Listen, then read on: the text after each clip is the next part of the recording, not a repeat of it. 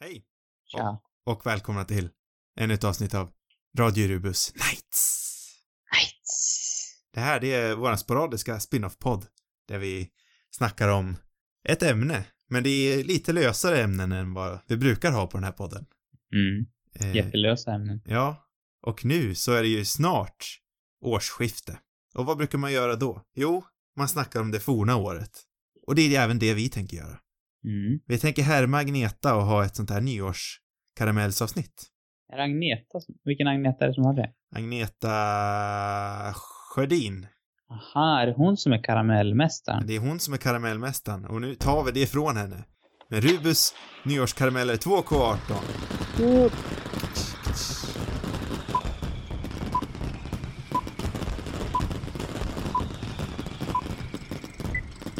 Vi har i alla fall tänkt att eh, vi ska gå igenom ett, en drös olika kategorier där vi ska prata om till exempel bästa film, bästa skådespelarinsats, trend, stjärna och så vidare.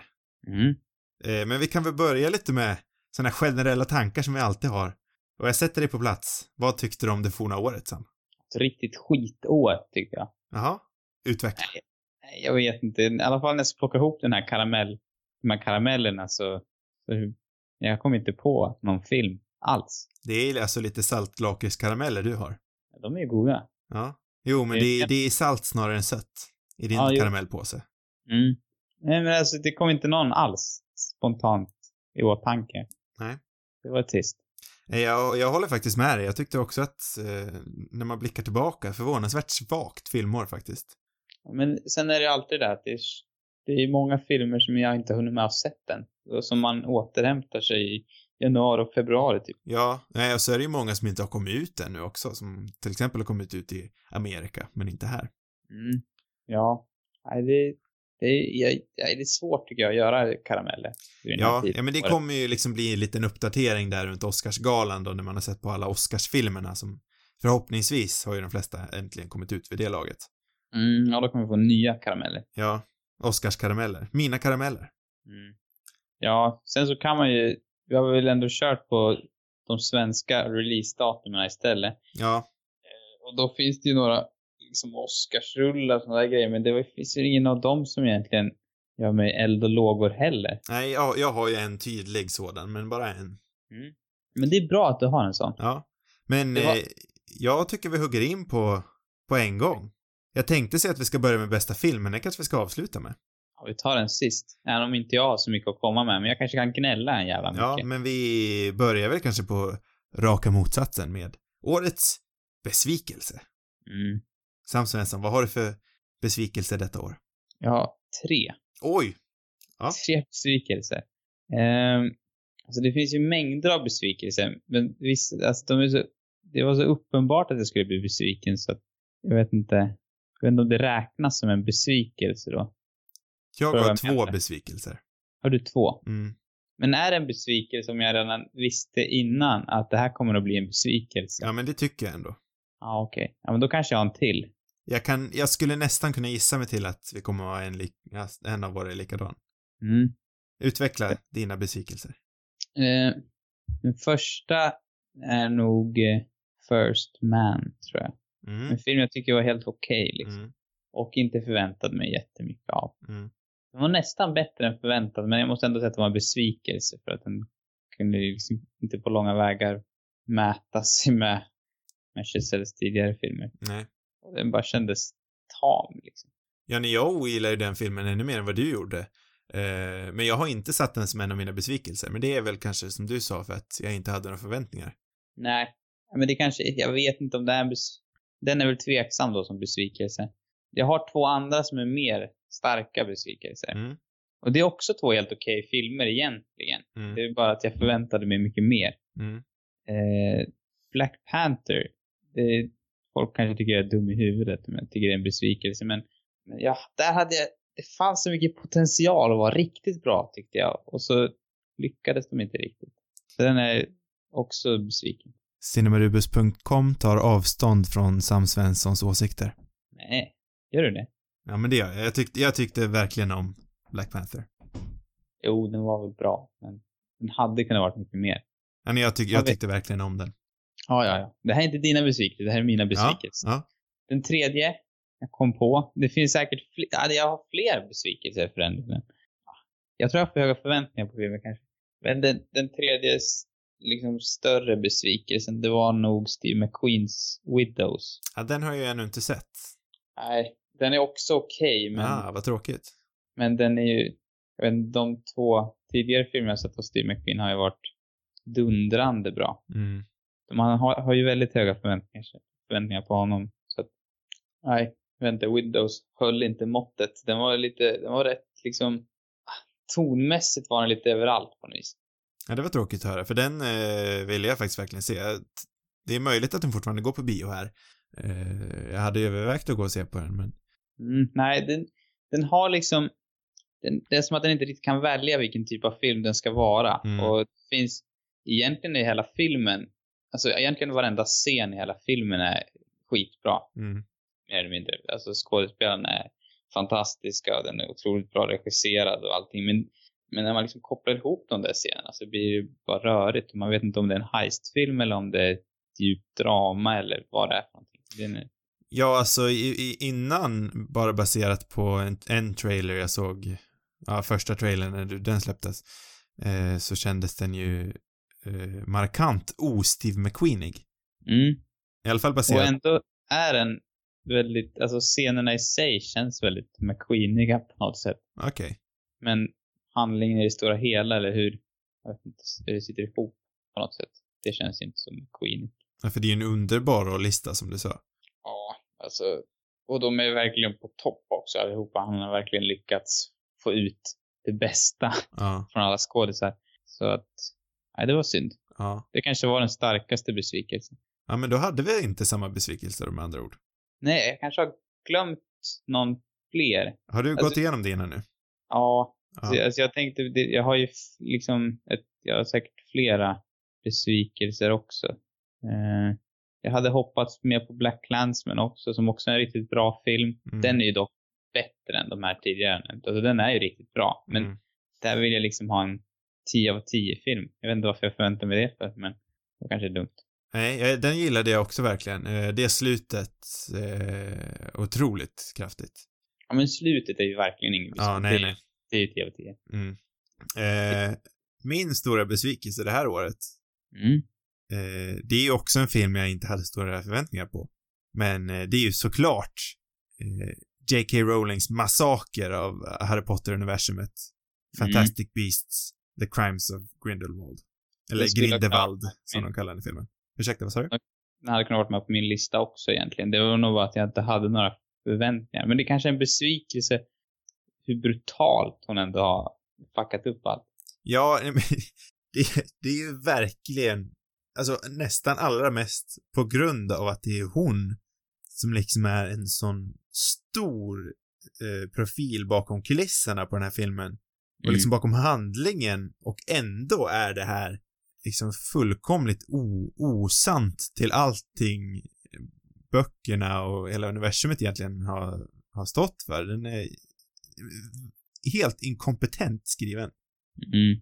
Jag skulle, jag skulle verkligen gå så långt till att säga att den är fullkomligt inkompetent som filmmanus. Som film kanske till och med. Ja, det också. Eh, Ja, den är väl helt, ska, den är väl okej antar jag. nej, nej, Nej. nej. Nej, det är den inte. Nej, det kanske den inte är förresten. Det var fan för snällt. Eh, men det är, som många har sagt, alltså det är möjligt att den här skulle funka bättre i, som bok. För det är ju så fruktansvärt mycket storylines, eh, många storylines som hon, eh, eller mycket story i allmänhet som hon vill trycka in i den här redan väldigt långa filmen. Mm. Eh, och det är, den försöker, den gör ju det här klassiska prequel-misstaget att försöka knyta an till de tidigare filmerna och med hjälp av det bara förstör allt som, ja, de karaktärerna då, i de senare filmerna stod för. Mm. Eh, bara, bara liksom det här helt ofattbara misstaget att hon sätter in McGonagall i filmen som, så egentligen bara som en cameo i bakgrunden. När hon själv har sagt att McGonagall borde inte ens vara född vid det här laget. egentligen helt inkonsekvent till filmen eller Harry Potter i allmänhet. Eh, det är ju bara någonting hon har sagt liksom på typ Pottermore eller något sånt där. Eh, så hon hade ju lätt kunnat tagit tillbaka det bara, men ändå att sådana där små grejer bara total, det visar liksom en, en total obrydnad inför det hon själv har skapat innan. Mm. Ja, den gjorde mig förbannad helt enkelt. Eh, jag har en till besvikelse, den här gjorde mig inte lika förbannad. Eh, men det är väl mest att jag tyckte det var ett, en väldigt svag säsong av Sveriges Mästerkock. Ja. Ja. Eh, säsong sju, eller är det säsong sex? Säsongen då Katarina vann består den starkaste säsongen av Sveriges Mästerkock. Ja. Eh, den här säsongen kommer jag, den här säsongen kommer jag knappt ihåg vem det var som vann. Det var två identiska, eh, ganska intetsägande karar som Mm. var i finalen. Eh, totalt inkonsekvent till resten av ett år. Har inte tänkt tillbaka en gång på vad som hände i den här säsongen av Sveriges Mästerkock. Nej. Jag hoppas på en starkare säsong. Och jag hoppas också att eh, Mannerström kämpar på så många år han bara kan, trots sin nu ganska höga ålder. Jaha, är han, är han gammal? Ja, han, han borde vara bra gammal. Inte framförallt på grund av hans feta mage. Ja. Och hans gamla ålder. Och hans eh, säkert stressfulla liv. Säkert. Eh, men en, en eloge ska juryn i alla fall ha som fortfarande är lika klockrena. Marcus Aujalay, Misha Billing och... Jag tycker att du liksom snör in lite grann på Mästerkocken nu. Okej, vi lämnar Mästerkock och går vidare på nästa kategori. Det var, det var din andra Det besvikelse. var min an- andra besvikelse. Du verkar ju ändå, eller ja, jo, det är säkert hårt med Mästerkocken också. Så här i efterhand måste jag ändå mina besvikelser känna, de, de är inte så hårda på något sätt. Som, som din, det känns mer, som att du är mer påverkad på djupet. Ja, Grindelwald på... det- åh, jag var frustrerad. Mm. Trots mina väldigt låga förväntningar och att jag inte direkt gillade den första filmen heller. Nej. Men Nej, en, det, ändå så hade jag inte förväntat mig det där, tå, den där tågkraschen. Och den är definitivt sämre än, betydligt sämre än, än mina besvikelser. De Ja. är ju mer mediokra. Ja, det skulle jag också säga. Och Mästerkock som sagt var, det var en okej säsong, men inte den bästa. Nej. Eh, Sam. Sam, ta en, ta en eh, karamell ur din påse. Mm. Har vi för karameller? Det är en jag inte har, liksom, är det dumt att jag väljer den om inte jag har någon karamell? Det är en jag helt har missat. Ja. Eller så tar vi den så får vi den överstökad. Ja, det är bra. Årets överraskning. Den, den satt jag och funderade på. Årets Mm. överraskning för mig, måste jag ändå säga var Bohemian Rhapsody. Filmen om Queen. Mm. Jag har ju lyckats missa alla filmer folk pratar om i år, Ja. på något vis. Förutom Black Panther då kanske. Eh, jag eh, hade ju noll förväntningar på den här. Eh, men eh, så återigen då, när vi var i London så hade vi, var vi lite sysslolösa en kväll så tänkte jag, men vi, vi ser väl på den då. Eh, ännu en, en väldigt brittisk film som ändå känns lite passande till ett Londonbesök. Mm. Så vi såg på den och jag måste säga att trots önskan ändå att kanske ha en lite jag tror det är många som hade velat sett en annan film om Freddie Mercury som var lite mer djupgående, eh, kanske inte lika fluffig som den här slutprodukten blev. Mm. Eh, men alltså någonstans lär man ju ändå bortse från det och, och kolla på filmen för vad den är. Mm. Eh, och Bohemian Rhapsody försöker inte vara någonting annat än en väldigt lättsam, fluffig, stundtals komedisk eh, musikalfilm som går igenom, eh, inte vidare verklighetstroget, men den går igenom eh, Queens eh, eh, uppgång i rockbranschen. Mm. Eh, och jag, den var, jag älskar ju Queen, jag har alltid älskat Queen. Eh, och jag, alltså man satt ju liksom och, och, och dunkade foten i takt. Och publiken var med. I slutet så var det till och med någon som började klappa igång med We Will Rock You. Och lyfta Nej. händerna i taket. Så det var, det var en härlig upplevelse ändå. Eh, och filmen, ja men helt okej film liksom. Underhållande, skojig. Flöt liksom på. Jag skulle vilja se den bara för musiken. Liksom. Ja. Det, det måste ju vara en häftig upplevelse. Mm. menar om man gillar Queen och det blir bra drag i biosalongen då. Jo men det är det verkligen. Eh, Ehm. Och som sagt, alltså filmen försöker inte vara någonting annat och det hade ju varit mycket mer intressant att se en film som gick in på Freddie Mercurys eh, inte bara djupare sidor, men, eller mörkare sidor, men, ja men mer djupgående i allting egentligen. Mm. Eh, Mm. För nu, nu är den ändå lite sådär, den försöker vara Mercury men samtidigt måste de klämma in bandet lite grann. Ja men lite spretig men eh, otroligt underhållande som helhet. Mm. Det var min vet överraskning. Var det ditt bästa biobesök också? Nej, det var inte mitt bästa biobesök. Nej. Det var det inte. Ska vi Det gå in på den kategorin? Ja, eftersom jag hade, jag, så här, just nu kan jag inte komma på någon överraskning. Så jag har nog ingen sån. Nej. Det Eh, passar inte min, liksom, saltlakris eller att komma med överraskningar. nej. Men då Nej. så går vi in på bästa filmupplevelse då, som jag valt att kalla det. Mm. Eh, för mig så måste jag ändå säga att det var, då var ju du med till och med. Det var när vi åkte till Stockholm, våran kungliga huvudstad och eh, Mall of Scandinavia, eller MOS som kidsen kallar det för. Gör de det? Och såg på Mission Impossible Fallout med Tom Cruise. The Moose, på riktigt. MOS.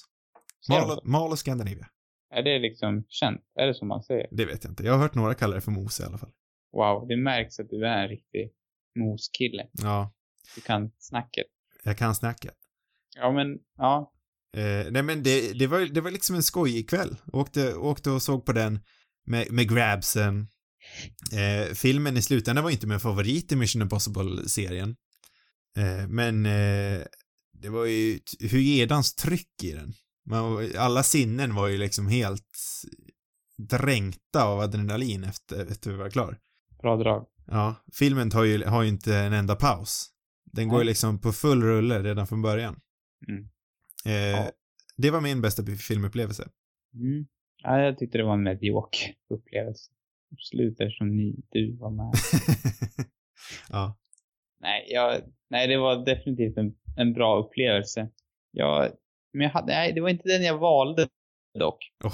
Jag eh, försökte, det var inte heller riktigt någonting som kom till mig sådär spontant. Jag vet inte om det är någon extraordinär upplevelse. Jag har haft bättre Mm. liksom. Eller jag har definitivt haft bättre. Men eh, när jag såg Call Me By Your Name, Mm. det, det var nog min bästa.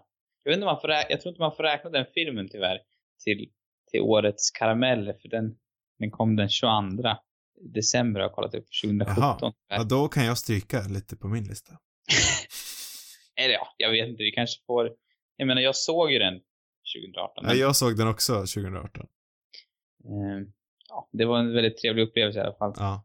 Jag, jag satt där på Fyrisbiografen och mös för mig själv. Mm. Mm, härlig, mörk februarikväll tror jag det var. Det, det var. Och det kändes på något sätt som att man hade hamnat där i 80-talets Italien. Så det var nog den bästa liksom, mm, man kände som man verkligen var, var med i filmen. Ja. Ja, men Det det, förstår jag. Det var också en väldigt bra filmupplevelse för mig. Oerhört bra film. Mm. Eh, Ja, det är bra. ja. Vi brukar ju alltid ta en liten pilgrimsresa eh, till huvudstaden. Vi har väl gjort det i typ tre år nu va? Mm. Och sett på en rulle. Det borde vi göra även i år. Vad kan det bli då? Ja, det är frågan. Det kan vi ta något, någon annan gång. Ja. Eh, ska jag välja en karamell? Mm, nu är det nog din tur. Eh, då går jag in på, eh, ja men ska vi prata lite om ett spel då? Vi är ju inte jätteinsatta på spel, men eh, det här, den- det här känns som att det var ett bättre spelår än vad, de, än vad det var ett filmår. Ja, säkert. Där, den hade jag ens glömt bort att lägga med här nu. Ja. Den vill inte jag svara på. Eh, nej men jag tycker, det här var väl året jag egentligen föll tillbaka lite i spel, i spelfällan. Jag har inte spelat spel ordentligt på fyra, fem år tror jag. Som missbruk liksom. Näst, nästintill. Nästan till. Det var lite farligt här på höstkanten hur mycket jag har spelat Red Dead Redemption 2. Aj, aj, aj. Eh, och det är väl ändå årets spel för mig, men sen måste jag även säga att eh, det här senaste God of War-spelet var väldigt bra också, väldigt bra story. Har du spelat det också? Eh, nej, jag har varit lite sådär ful också och kollat igenom storyn på YouTube som jag kan göra ibland. Det är rätt speciellt. Det, det är rätt fult, men man, då hade jag inte ett Playstation, men nu har jag ett Playstation. Jag vet inte om det är fult. Jag tänker att det är underligt bara. Ja. Nej, Jag, det jag, tror, kanske är vanligt att man jag tror gör att det är ganska hippt att göra så, bara det att det är du som inte riktigt har upptäckt den. Ja, Nej, jag är inte så hipp med mos och sådär. Nej. Eh, Spiderman var också fantastiskt, det har jag spelat. Mm. Eh, Life is Strange 2, eh, inte lika bra som det första, men väldigt bra. Eh, men årets spel för mig är nog ändå, kanske lite uppenbart, men det är nog Red Dead 2. Eh, storyn är ju inte alltid klockren liksom. Eh, vi borde kanske säga det, du har ju också spelat Red Dead 2. Mm. Inte helvägs igenom va? Nej, inte på det där sjukliga sättet. Nej. Och jag, nej, jag är inte klar heller. Det är därför det är det enda jag har spelat i år och jag har inte spelat klart ens. Men det är bra att du, du verkar ha lite mer koll. Ja. Jag känner ju kanske nu att jag efter, efter två, tre veckor totalt neddränkt i det här träsket utan att lyckas ta mig ut. Nu börjar jag äntligen klättra ut ur min håla och komma tillbaka till det normala livet igen. Och det är så allvarligt alltså. Eh, nej, inte riktigt. Jag överdriver såklart. Men, eh, men det är ju, alltså det är ju en fantastisk värld de har byggt upp. Mm. Eh, och rent eh, dramaturgiskt i storyn då, utan att säga för mycket, så när den funkar så funkar den ju utomordentligt. Eh, det är ju en, del snedsteg de gör, som jag inte riktigt förstår. Men hur de verkligen liksom vänder på kakan i slutet, trots den kanske lite väl, det är lite väl långa sista kapitlet, så ror de verkligen hem båten. Mm. Men liksom världen i en helhet, det kan vi prata om. Den är ju underbar och nästan lite för detaljerad. Nej, är för detaljerat. Om man har en tendens att falla ner i träsk som jag gör gällande sånt här så är det nästan lite för detaljerat. Ja, jo, det kanske, det kan vara möjligt. Ja. Det är egentligen därför jag spelar spel överhuvudtaget. Det är sådana här världar jag är ute efter. Det är det som är det viktiga. Ja. Ja, du, du har ju suttit... att resa sådär mycket kanske. Nej. Ja, du, du har ju fallit eh, i, i Skyrim-träsket också va? Jag har varit där och träskat också. Ja. Långt efter alla andra träskade. Ja. Där är också, det jag bara tycker om det här att ströva runt där, här fina vyerna. Ja, nej, jag, jag är ju väldigt mycket för story.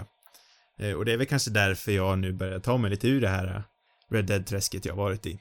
Eh, eftersom jag är klar med storyn. Mm.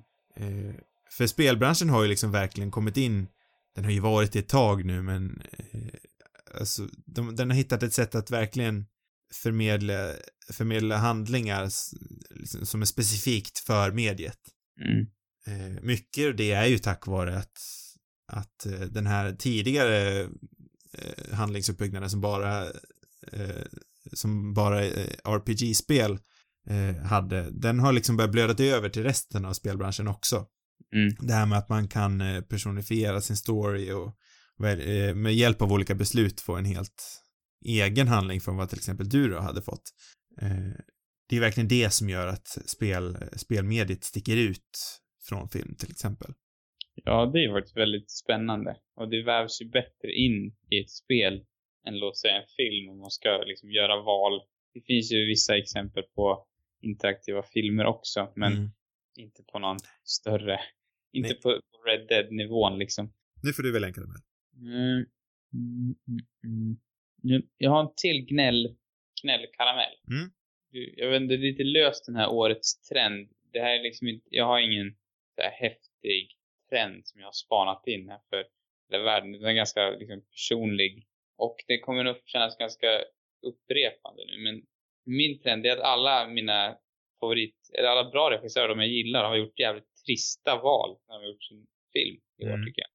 Jag har snackat om McQueen redan och Chazelle som jag tycker båda med utgångsläget har haft lite halvtrist idé. Och sen Wes Anderson också som inte heller, jag kan inte ens räkna det som en besvikelse för att det var precis vad jag hade väntat mig liksom. Men jag alla de där tre har gjort otroligt tråkiga projekt från första början. Det är min lilla trend. Ja. Regis äh, ja, regissörer gör dåliga idéer. nej, det var inte, nej. Det är inget, inget större egentligen. Ja, ni har ju sett en av de tre filmerna så jag har inte någonting att, att bidra. Nej, men du kan känna igen dig där när man, hur provocerande det är när man har en, en regissör man verkligen gillar och så gör de liksom fel filmer. Ja, jo, jag, jag sympatiserar med dig. Mm. Absolut. Det är där all, all min sorg och mitt hat kommer ifrån. Det är nog det som är grunden. Min trend är kanske lite mer, Världsomspännande. nej, men min trend är väl kanske mer, eh, mer uppenbar. Eh, Mhm. Och det är väl att 2018 var året då, då musikfilmerna kom tillbaka. Mhm. Ja, Eh, det- Egentligen lite pseudo-musikal gjorde comeback. någonting som de egentligen inte har, vi har inte gjort musikaler på ordentligt liksom på, ja, när var det de slutade? 50, 60 någonstans? Eh, Va? Vi har inte gjort musikal? jo, vi har ju gjort musikaler, men alltså det har inte varit så stort som det var det här året. Mhm. För det började ju i Sverige i alla fall så började det ju redan i januari med Ted-filmen. Mm. Eh, vi har ju Mary Poppins, en musikal. Vi har eh, A Star Is Born kan man väl räkna som en musikal. Mamma Mia, eh, Bohemian Rhapsody. Ja, ett flertal musikalfilmer. Det är min trend. Ja, den är...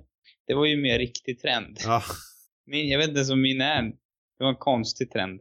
Det var Mm. den jag kom på. det är en observation. Ja, det kanske är en observation.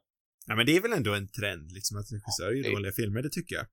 Det Ja, det är mer att den kanske inte har så jättemycket från någon annan. Alltså den, ja, om man gillar de här regissörerna och håller med om att det är dåliga idéer så kanske man känner någon typ av samhörighet.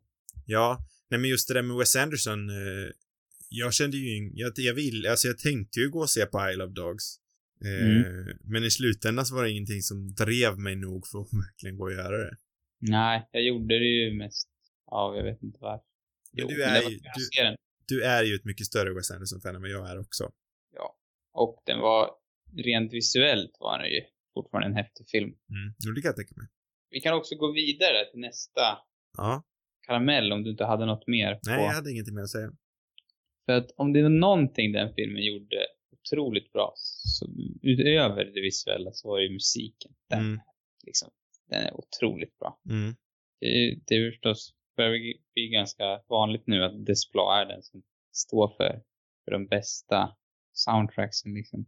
Men det, det är bland mina favoriter faktiskt som man har gjort någonsin. Den var riktigt maffig. Mycket, liksom, ja, mycket inspiration från Japan och sådär. mm. Ja, nej, det här är väl kanske min svag punkt. Ja, Det här, det, det här är det kanske min... jättespännande för dig kanske när du inte ens har sett, sett filmen. Nej. Men, Nej, men jag har i, i allmänhet, lyssnat mycket på det där efterhand också. Så att, i allmänhet är nog det här min, min eh, mest smaklösa karamell i allmänhet. Eh, Smaklösa karamell. Vad har du kommit på för, för Ja, men jag, jag känner, jag har inte någon riktig pejl på filmmusiken i år faktiskt. Eh, Smaklöst? Då tänker jag att det kommer komma någonting äckligt. Eh, nej men nej, alltså det, det, de två jag kommer att tänka på var väl egentligen, eller tre nu när, jag, när vi sitter och snackar om det. Eh, jag tycker ju ändå, oavsett vad du tyckte om Black Panthers måste jag säga, att Ludvig, den svenska stoltheten, Ludvig Göranssons eh, score till Black Panther tyckte jag var riktigt bra. Jag kommer inte ihåg hans score så jättemycket. Jag, jag kommer inte ihåg det alls. Jo. Det är liksom lite o... Just det, nu minns jag resten. Jo, det var rätt coolt faktiskt. För det finns, det finns en otroligt bra eh, YouTube-kanal jag gillar, eh, Sideways heter den, eh, där han analyserar filmmusik eh, i allmänhet, eh, sen ibland kan han gå in på vissa filmer. Mm. Eh, och då så pratade han om eh, Ludvigs musik till eh, Black Panther och hur han liksom knöt an till, till mer traditionell superhjältemusik med leitmotivs och liknande saker. Tillsammans med den här afrikanska kulturens musik. Eh, Och där ser, när han verkligen, och han, när han verkligen beskriver liksom hur, hur djupgående och avancerad blandning det här är så kan man inte låta bli att bli imponerad. Nej. Eh, sen så hade jag även Avengers. Eh, Mm. tyckte jag faktiskt eh, det, det är en allmänt klagomål som jag håller med om angående Marvels filmer, att de inte har, att varje karaktär inte har ett eget motiv. Mm. Men jag tyckte ändå att Alan Silvestri gjorde ett väldigt bra jobb med Avengers. Tryckte liksom på i de här hjältestunderna med, med den här svepande Avengers-musiken som, som verkligen fick en att vilja klappa händerna. Eh, Mm. Sen när vi ska säga bästa låt i en film så tyckte jag verkligen om eh, Black Eyes från A Star Is Born, sjungen av Bradley Cooper. En, en sån där hitfilm jag inte har sett. Nej? Jag, jag tyckte att det var kul med Kendrick Lamar, liksom soundtracket där i Black Panther, även om det inte var någon, om jag ska tillägga någonting, även om det inte var någonting av hans, det var långt ifrån hans bästa, men det var, det var några låtar där som var rätt, rätt trevliga. Mm. Jag tyckte det fanns någon bilscen där som hade en, jag kommer inte ihåg vad den låten heter egentligen. Den är rätt bra. Men Ja. det, kombon med honom och, och Ludvig var ändå kul liksom. Sen var det andra bra artister också som hade jobbat på filmen. Ja, ja nej, musik är ju mer av ditt ämne än vad det är mitt. nej, jag vill helst inte kalla det mitt. Nej. Nej. Men, ja. Ehm, jag tycker det är dags att gå vidare. Ja. Eh, Jag tänkte, nu när jag redan var inne lite på YouTube, jag skrev upp ett, eh, en extra kategori här alldeles nyss. Bara för att jag ville nämna. Eh, Jag skrev upp en YouTube-kategori. Jaha. Du, får- du får komma på någonting lite snabbt. Jag antar att jag sätter dig på plats. Mm. Men Sideways var en kanal jag hittade i år som jag tycker är otroligt bra. Sen en kanal jag hittade bara för här om veckan som jag är fullkomligt kär i. En kanal som heter Be Kind Rewind. Eh, och jag vet inte vad hon heter. Eh, jag var inne och kollade på hennes Twitter och där heter hon Issy, så jag antar Issy någonting. Eh, men det är en YouTube-kanal där hon, eh, hon går igenom bästa, eh, de som vann bästa skådespelerska eh, på Oscarsgalan. Så hoppar hon liksom emellan år, analyserar det året, eh, vilka var de nominerade, vem var det som vann, varför kan det vara så att just den skådespelerskan vann, eh, ja men bakgrunden, liksom analyserar hela vinsten och, och det är en otroligt väl researchad kanal. Eh, liksom påläst, eh, pålitlig känns den också. Ja, men riktigt bra kanal om man är intresserad av filmhistoria och eh, filmvetenskap i, allmän, i allmänhet. Mm. Be Kind Rewind, rekommenderar. Bra tips. Det var ju en massa tips här, det är bra. Ja, det Jag var bara en sån där grej jag ville... Vad sa du? Jag prenumererar på båda två faktiskt. Ja, Det lät spännande. jag kastar in de två som eh, lite spontant, en spontan kategori. Är det liksom bästa YouTube-kanal du söker då? Ja, Ja, just det. Jag tror jag passar den. vi passar den. För att jag, de där var ju så coola liksom. Du hade hittat några häftiga. Jag är inte, jag är inte så inne så jättemycket på YouTube om jag ska vara ärlig. Så jag har liksom ingen riktig, om jag skulle komma med någon, jag prenumererar väl på ett fåtal. Och det blir bara pinsamt. För att de, det kommer vara liksom så, kommer bli så gammalt liksom. Vi har ju, vi har ju han, eh, eh, han har jag följt ett tag nu, så det känns inte, jag är inte så passionerad över mitt omtycke till honom mer. Eh, men vad den heter, eh, Ja, Eller hans screen lessons from the screenplay. just det. Ja, han är bra. Även det är en fantastiskt bra kanal. Det är, det är väl typ den jag har. Ja. Ja, men vi, vi går vidare. Det är min favorit i år. det. det är din favorit i år. Ja. Så du har ett svar i alla fall. Har ett svar. Vi går vidare. Ska vi ta årets stjärna kanske? Mm. Ska du börja eller ska jag börja? Starkast lysande stjärnan. Jag tycker det är du som börjar. Ja, för jag känner att jag har, jag har en lite svagare här. Jag hade lite problem att komma på en. Mm. Eh, men jag valde en som eh, kanske sticker ut lite. Jag vill inte ta någon uppenbar.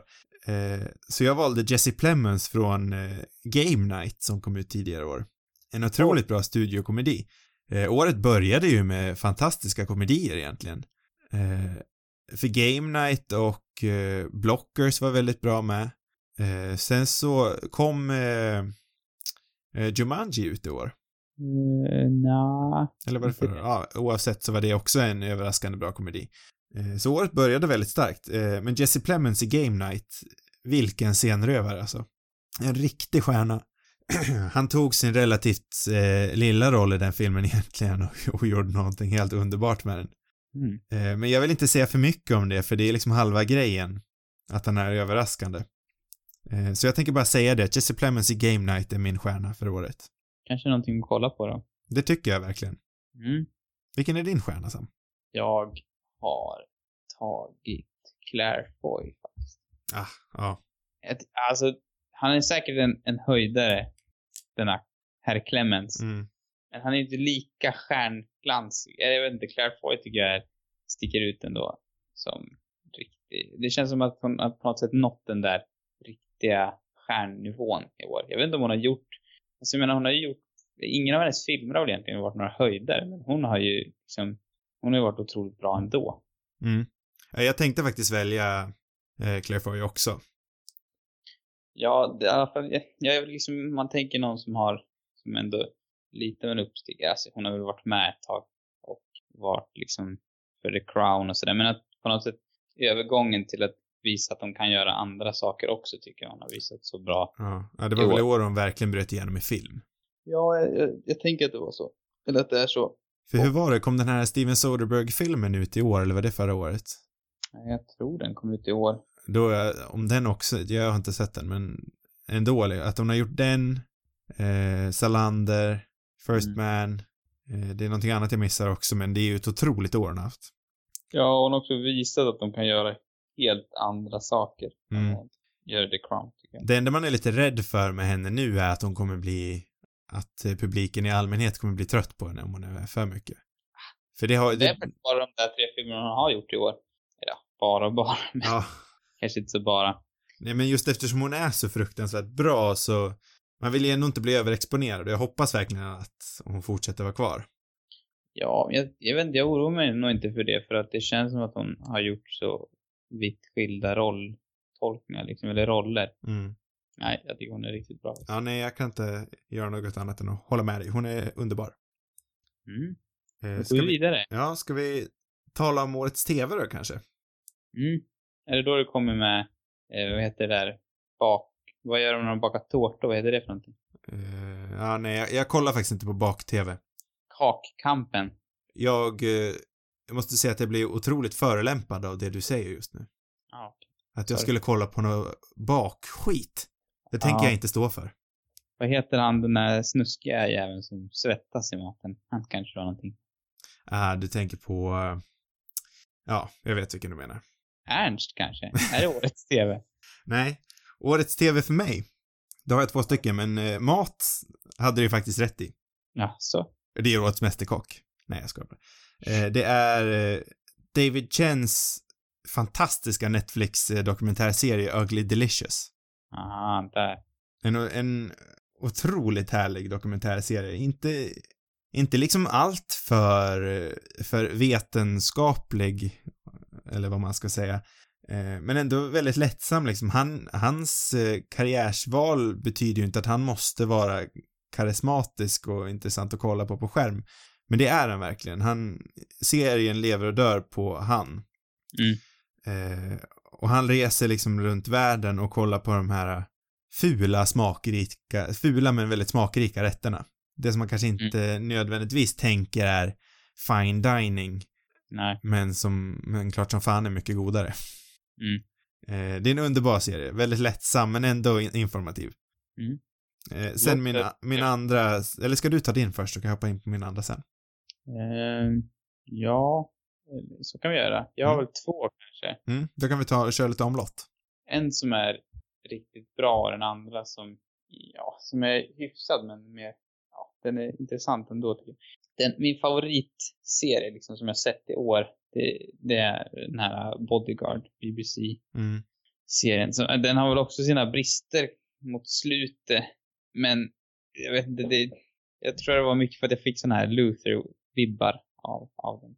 Mm. Den är liksom det är en riktigt bra, solid brittisk serie som jag inte har sett. Jag har inte sett någon sån på, på länge känns det som.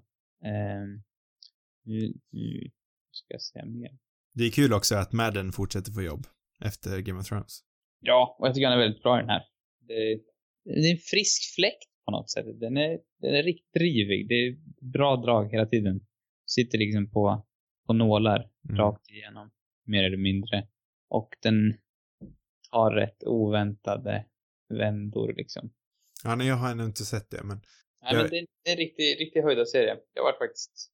Det är nog kanske det bästa jag sett överhuvudtaget i år som jag liksom känt sådär spontant att det här är riktigt bra. Det här gillar jag verkligen. Jag har Mm. känt mig både underhållen men också liksom kanske på, på ett mer djupare plan. mm. Ja, nej, Sen är det väl en ganska enkel underhållande serie. Det är väl inget liksom jättekomplicerande. Men, men ja, den är riktigt bra. Mm. Eh, Min andra bästa serie är väl inte allt för långt ifrån egentligen. Det är väl också en brittisk eh, krimserie. Det är Killing Eve. Eh, underbar säsong. Eh, väldigt välskriven. Fantastiskt välskriven. Eh, ena sekunden väldigt mörk, andra väldigt skojig. Eh, men alltid liksom stilistiskt och dramaturgiskt eh, underbar.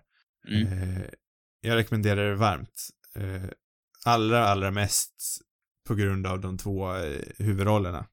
Som båda två är väldigt bra. Och även Kim Bodnia. Bod, ja, hur man uttalar det. I en stark biroll. Kim. Kim. Kimpan. Kimpan är med. Eh, Mm. Men även där känner jag att jag vill, där vill jag inte heller säga allt för mycket, för den, den bygger också mycket liksom på twistar och, och liknande. Mm. Eh, men jag rekommenderar det varmt. Den, den borde jag nog faktiskt kolla på. Mm. Hade du en till serie?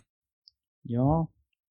Jag vet, nej, det här är inte någon, jag vet inte varför jag nämner den egentligen, men den här Maniac-serien tyckte jag inte var jättebra när jag såg den. Ändå vill jag nämna den här, för att den känns som att den hade kunnat vara riktigt bra på något vis. Eller så är det bara för att den ser så häftig ut. Jag vill ju verkligen älska den. Mm. Och den, den, den har väl en del intressanta liksom, delar, eller den har många intressanta delar. Det kanske att jag inte fattar allt riktigt. Eh, men den saknade väl lite det där drivet. Om man jämför med Bodyguard så, om man, Bodyguard vill man genast liksom trycka på nästa avsnitt. Medan Maniac så, jag vet inte, kändes mer som att jag tog mig igenom den bara. Eh, men det är fortfarande en väldigt speciell serie som jag tycker, jag vill ändå ge någon typ av beröm för, för liksom, för den är, ja, den är annorlunda liksom och vad den gör. Ja, jag vet jag har inte så mycket mer att säga om den. Nej, men alltså det är ju alltid skoj med, jag har inte sett den heller, eh, men det är alltid skoj med ambitiösa projekt. Ja, men det känns väldigt ambitiös. Jag kanske skulle gilla den mer om jag såg den en gång till. Ja. Uh, nej, jag tycker den är definitivt sevärd i alla fall. Mm. Mm. Eh, nu börjar vi nästan ta och runda av här, vi är inte allt för långt ifrån. Har vi två kvar? Eh, vi har tre kvar. Vi har eh, skådespelarinsats Mm. eh, och så har vi poddfilm och bästa film. Mm. Eh, så jag tycker väl vi tar skådespelarinsats nu då, så tar vi de två eh, bästa filmkategorierna sist. Eh, Ja. Vad har du för skådespelarinsats? Jag har antal. Jag kan säkert plocka fram mer också. Eh, det är svårt att sätta en skådespelarinsats. Mm. Eller, jag vet inte om man ska bara rada upp alltihop här. Kör på. Skulle bara kunna göra enkelt att ta Claire Foy, för jag tycker att hon har varit riktigt bra i båda Mm. filmerna jag sett. Sen kanske inte det räcker. Nej, det tycker jag är ett fusksvar. Välj en annan nu. Fusk. Fan. Jag gillade verkligen Willem Dafoe i The Florida Project. Det kan jag också nämna. Mm. Det räknas. Mm. Det räknas till år. Det räknas. Underbar. Underbar. Den såg vi på tillsammans. Mm. Sen älskar jag ju både John David Washington och eh, Adam Driver i Mm. Black Clansman. Mm. Tycker de är väldigt bra. Mm. Eh, där är ju faktiskt en annan, alltså John David Washington tror jag kan bli en, han kan också bli en riktig superstjärna. Mm. Ja, han är väl mer... eh, Driver förväntar man sig ju så gott som ett bra uppträdande av nu. Mm. Eh, där blir man ju mer förvånad om man är dålig. Mm. Eh, men Washington, vi- vilken stjärna alltså. Han kommer man se mycket mer av, hoppas jag i alla fall. Det var ju så, det var väldigt kul att se båda de skådespelarna som är så otroligt charmiga liksom, tillsammans. Fruktansvärt karismatisk. Jag kan inte räkna, jag, vill ta tillbaka det med att Black, Black Clansman var årets besvikelse. att jag ens nämnde den där. Det, det var ändå en riktigt bra film. Mm. Eh, mycket på grund av deras kemi tyckte jag. Ja, men det är svårt det där med förväntningar i förväg. Ja, jag tror jag hade lite för höga faktiskt. Ja. Jag hade, efter, vi hade sett en annan film som är på årets poddfilm eventuellt, eller som är där uppe i alla fall. Ja. Samma regissör. Så, så med de förväntningarna, det var, de var inte riktigt rimliga kanske. Um, om jag ska nämna några till skådespelare. Um, alltså jag tycker alla i, i Widows också var riktigt bra faktiskt. Mm. Det var kul och där till exempel får man ju se eh, Liam Neeson i en lite mer, ja, lite annorlunda roll ändå. Och det var kul att se honom göra någonting liksom allvarligt. Mm. Och Viola Davis är såklart bra som alltid liksom. Men det var flera bra skådespelare. Mm. Riktigt bra. Vad har jag mer? Jag, mm, jag såg den här Green Book faktiskt Ja, häromdagen. Otroligt trevlig film. roligt att höra. det är ju en sån här film som man inte har så mycket, jag vet inte, man blir väl lite förstörd av att se de här liksom Oscars-trailers Mm. gång på gång där det radar upp alla för detta Oscars-nomineringar, nominerade och, och så vidare. Men, men det är faktiskt väldigt bra film tycker jag. Och där hade vi också de två huvudrollerna, liksom Mahershala Ali och Viggo Mortensen som är strålande båda två egentligen. Ja, Jag, jag kokar fortfarande lite med ilska för att jag glömde bort att gå och hämta mina förhandsvisningsbiljetter. Ja, det var synd alltså. Mm. Det var, det var, det var en riktigt, riktigt trevlig film.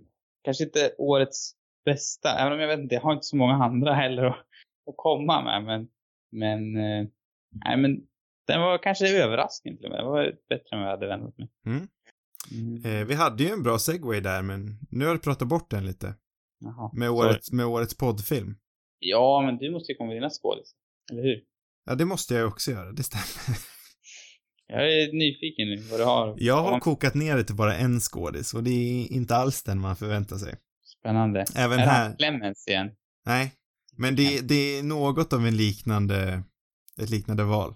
Mm. Eh, det är från två filmer egentligen, men mest den ena. Eh, en film som egentligen inte var sådär otroligt jättebra, men han var ta mig tusan nära på att rädda den. Och det är Jesper Barkselius. Oj. Eh, en svensk skådespelare som var med i både Tårtgeneralen och eh, Den blomstertid nu kommer. Ja, du, du ska bara vara så speciell. Ja, Vad hette han? sa du Jesper? Jesper Barkselius.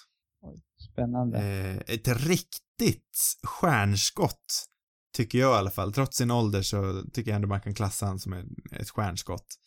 Mm. Eh, hans karaktär är ju den som jag tycker borde varit huvudkaraktären i En blomstertid nu kommer. Mm. Eh, han spelar ju den här pappan Egentligen så är det ju ganska snarlik roll till, eh, det nämnde jag i min recension, eh, om du kommer ihåg i Godzilla, Mm. eh, pappan i den filmen. Men är det... Eh, ja, vad den heter, ja. Eh, Breaking Bad. Ja, just det. Egentligen är det en ganska snarlik roll och eh, där sa väl folk samma sak, att han borde varit, hu- ja, att han borde varit huvudrollen. Mm. Eh, här har ju Barkselius eh, trots allt en mycket större roll än vad han hade. Eh, Mm. Men det är inte huvudrollen. Eh, men han är fruktansvärt bra. Han säljer, han säljer verkligen desperationen mer än någon annan i de, eh, detta postapokalyptiska Sverige. Eh, det är ju karaktären med mest på spel, liksom. Han har någonting att bevisa. Han är, han är, ja, otroligt bra karaktär, välskriven karaktär till skillnad från resten av filmen också. Eh, och Jesper Baxelius var ju i en minimal roll i Tårtgeneralen väldigt bra där också. Mm. Eh, så jag hoppas verkligen att Film-Sverige hyser lite respekt till denna aktör och ger han lite mer roller som är värdig hans talang. Jag tycker absolut att han är mer än kapabel till att leda någonting själv. Bara han inte fastnar i någon, med någon tråkig deckarserie på femman. Risken finns. Ja, och jag, jag ser ju framför mig att, att det är det folk kommer, att det är det första folk kommer tänka på. Är man en, en manlig skådespelare i den, i den åldern, eh, nu chansar jag närmare 50, så är det väl ganska, 44 nat- tror jag han var faktiskt. vad sa du? Hårt. Vad sa du? 44. Ja, 44. Ja. Förlåt Jesper. Eh, jag ber om ursäkt, men jag hoppas att mina, mina övriga komplimanger väger upp detta. Mm. Eh, men jag, jag, jag diggar dig Jesper, bra jobbat i år. Jag hoppas Bra. du har en ljus framtid. Ja, det var ju lite mer, det stack ju ut lite mer än vad mina gjorde. Ja. Men det var därför jag tog så många så du skulle glömma bort vilka jag nämnde. Om jag ska vara lite mer så här speciell, Ja. då, då skulle jag eventuellt kunna välja en annan. Om det liksom, jag tänker att jag, fast ändå, man kan säga att jag redan valde, valde henne. När jag nämnde Widows i sin helhet. För jag tycker Michelle Rodriguez där som känd från alla Fast and the Furious-filmerna var, var rätt bra faktiskt. Var Spännande. kul att se henne i en, i en, i den, jag vet inte, hon är ju bra egentligen i Fast and the Furious-filmen, men det är svårt på något sätt att ta en sån, ta henne på allvar där. Eller, jag vet inte, jag tar väl henne på allvar, men i den filmen liksom kanske inte det första man tänker på är om hon gör en bra prestation. Nej, nej, man räknar ju lätt bort de där skådespelarna lite. Mm, så det var lite kul att se henne i någonting mer Ja. seriöst. Ja, men det är kul att höra. Mm. Den, den får du godkänt för. Ja. Eh, men då går vi in på de två sista och mest spännande kategorierna. Årets poddfilm kan vi väl börja med. Mm. Jag har svårt att bestämma mig där. Ja. Eh, jag vet inte, ska det vara en film man inte har sett tidigare? Nej, det är, jag tycker i alla fall att det är filmen vi poddat om som du tyckte var bäst. Ja.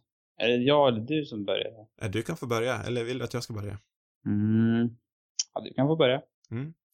Eh, för mig var nog valet ändå ganska klockrent. Eh, om jag minns rätt så tyckte jag väl kanske inte att den rodde hem båten hela vägen, men den har trots det hängt med mig nästan i ett halvår nu och det är Wong Kar Wais eh, Chungking Express. Mm. Eh, fantastisk film verkligen. Mm. Ja, det var bra. Eh, har verkligen suttit fast med mig. Stilistisk, säker, otroligt användande av, av Mammas and Pappas.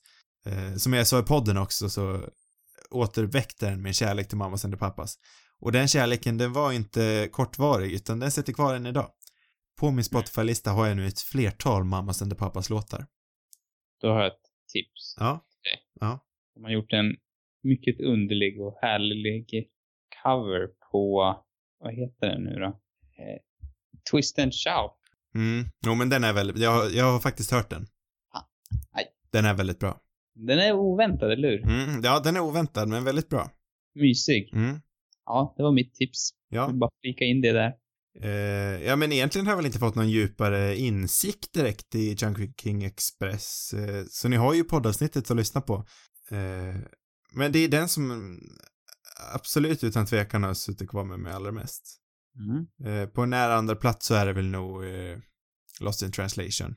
Eh, men klar vinnare är ändå Chunking Express. Spännande. Mm.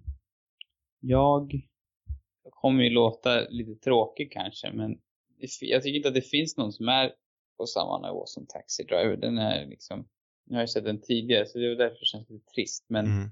men jag tycker den är definitivt den bästa filmen.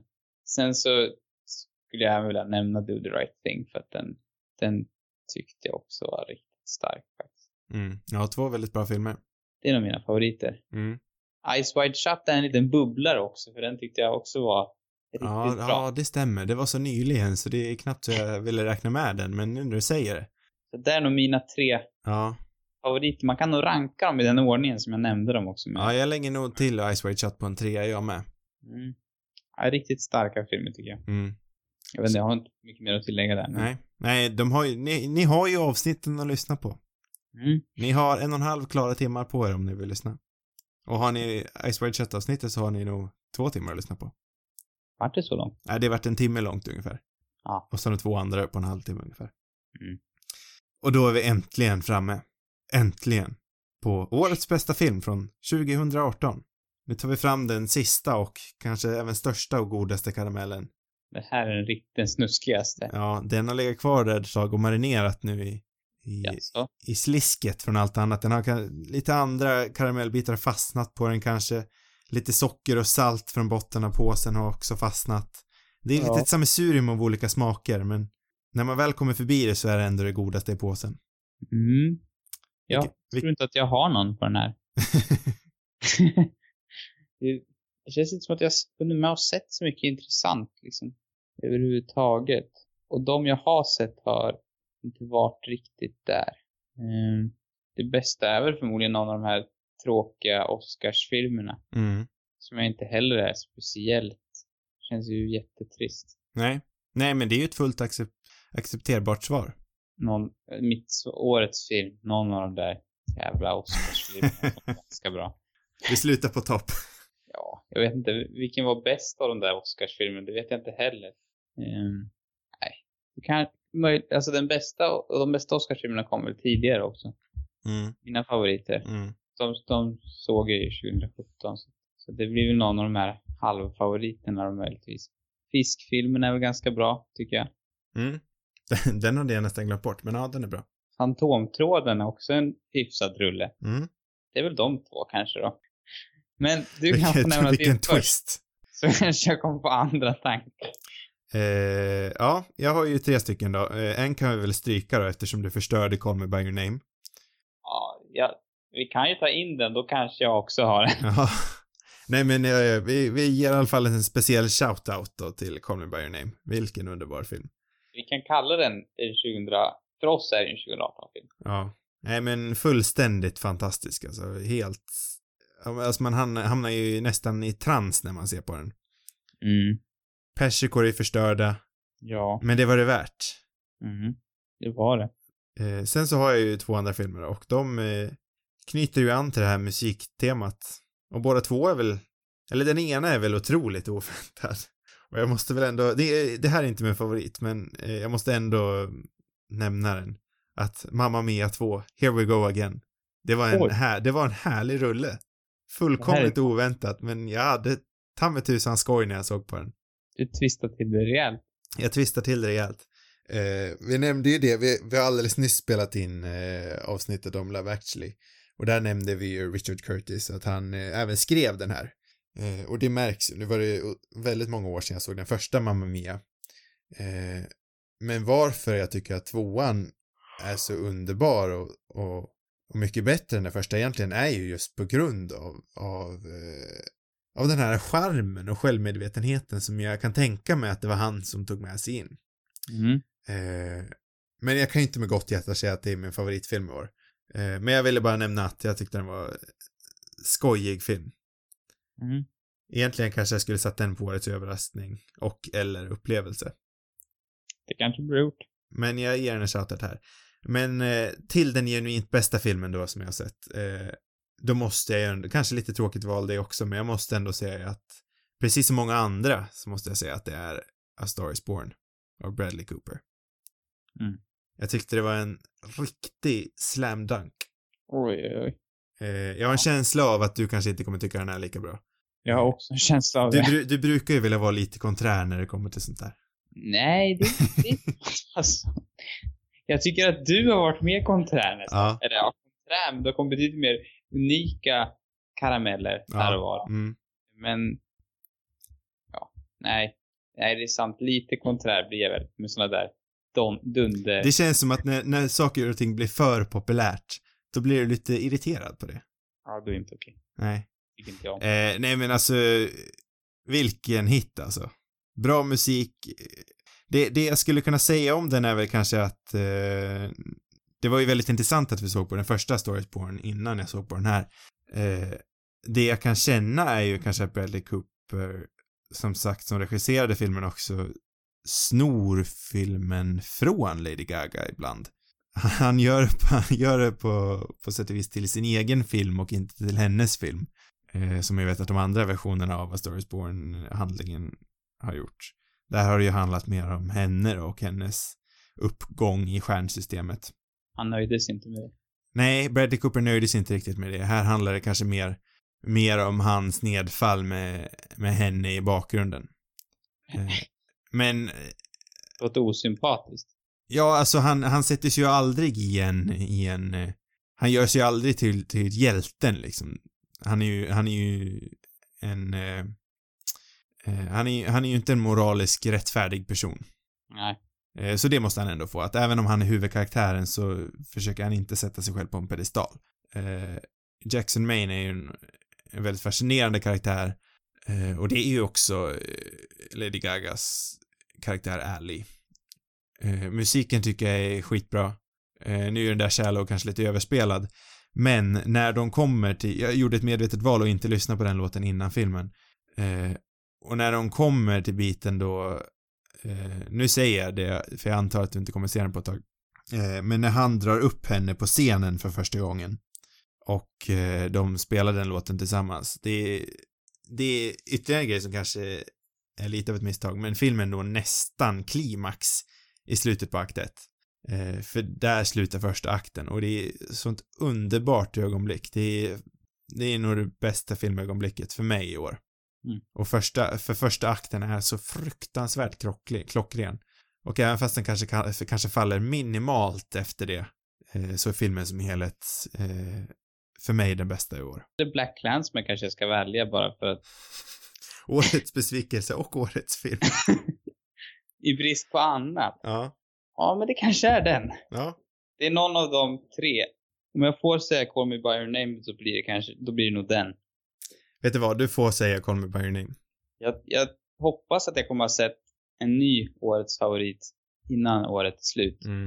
Eh, sen kommer det ett helt gäng. Jag satt igår och gjorde en lista på allt att se de närmaste månaderna. Mm. Det fanns det att göra. Ja, det kan jag tänka mig. Det är ungefär två filmer i veckan. Ja, det är för som det brukar bli runt den här tiden. Ja, de bästa, i alla fall i Sverige så måste man väl ändå säga att de bästa månaderna, måna, månaderna på året är januari och februari. Jo, men Ja. det är det ju. Och det är väl de sämsta månaderna i Amerika. Mm. Det är väl Det- då man brukar släppa all skit. Ja. Sen finns det en del liksom mindre filmer som jag hade kunnat sett. men som inte har blivit av som jag tror kan vara. Som man kanske, de har suttit gott nu. Ja, nej, det finns ju absolut en del man inte har sett än. Jag har inte sett Roma än till exempel. Eh, den här eh, som går på bio nu med eh, Glenn Close och eh, han, Mm. vad är den heter nu igen? Why? The Wife, ja. Den var jag också sugen på att se. Inte för sent än. Eh, Så det finns ju en del filmer man, eh, jag ska försöka se innan Oscarsgalan i alla fall. För då kommer vi återbesöka ämnet, som sagt tidigare. Kanske, jag kanske kan komma med en ny favorit då. Ja, det förväntar jag mig. Förhoppningsvis. Jag tror det. Det finns ett helt gäng. Så även en del svenska, eller det är många svenska filmer jag skulle vilja se. Som jag inte har, har, jag har ju inte sett någon nästan. Nej, Jag var ganska duktig i första halvan av det här året. Att kolla på svenska filmer. Sen följer jag lite ur... Jag har inte sett många filmer alls i höst egentligen. Nej, det, det har varit dåligt. Det vart aldrig så att jag såg på gräns heller. Det ångrar jag verkligen. Mm. Ja. Jag, jag tyckte det var lite skönt nu att den inte varit nominerad. Då känner jag inte längre någon, något krav att jag borde Nej. se den. Nej. Troll i skogen liksom. Fan. Usch. Ska jag bli för gnällig nu? Nej, det tycker jag inte. Men som en eh, liten observation bara så har jag tänkt på att vi har sett på väldigt olika saker i år. Ja, det känns som att vi har gått om varandra. Ja, det var, det var inte jättemycket vi hade sett på uh, båda två. Nej. Lite spännande. För annars så brukar vi väl ändå ha kollat på någorlunda samma saker runt års, när Mm. året har tagit slut tycker jag. Ja, nu var det riktigt rörigt. Mm. Men eh, det är ju kul som har fått lite olika rekommenda- rekommendationer. Ja. Eh, men då tycker jag att vi kan eh, bestämma att det här året är klart. Det är klart.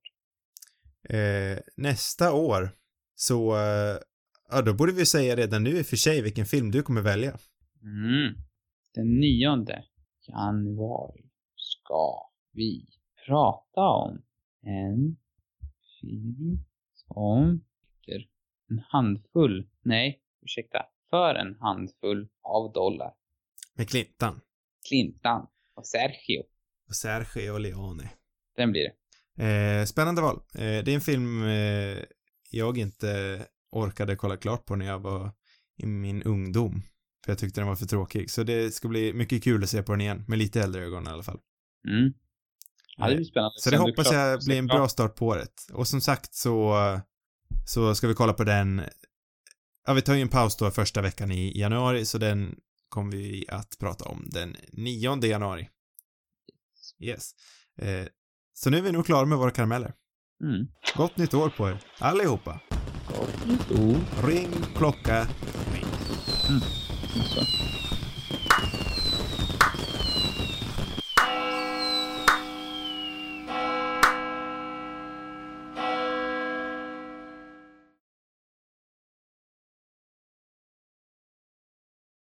Käre Karlen,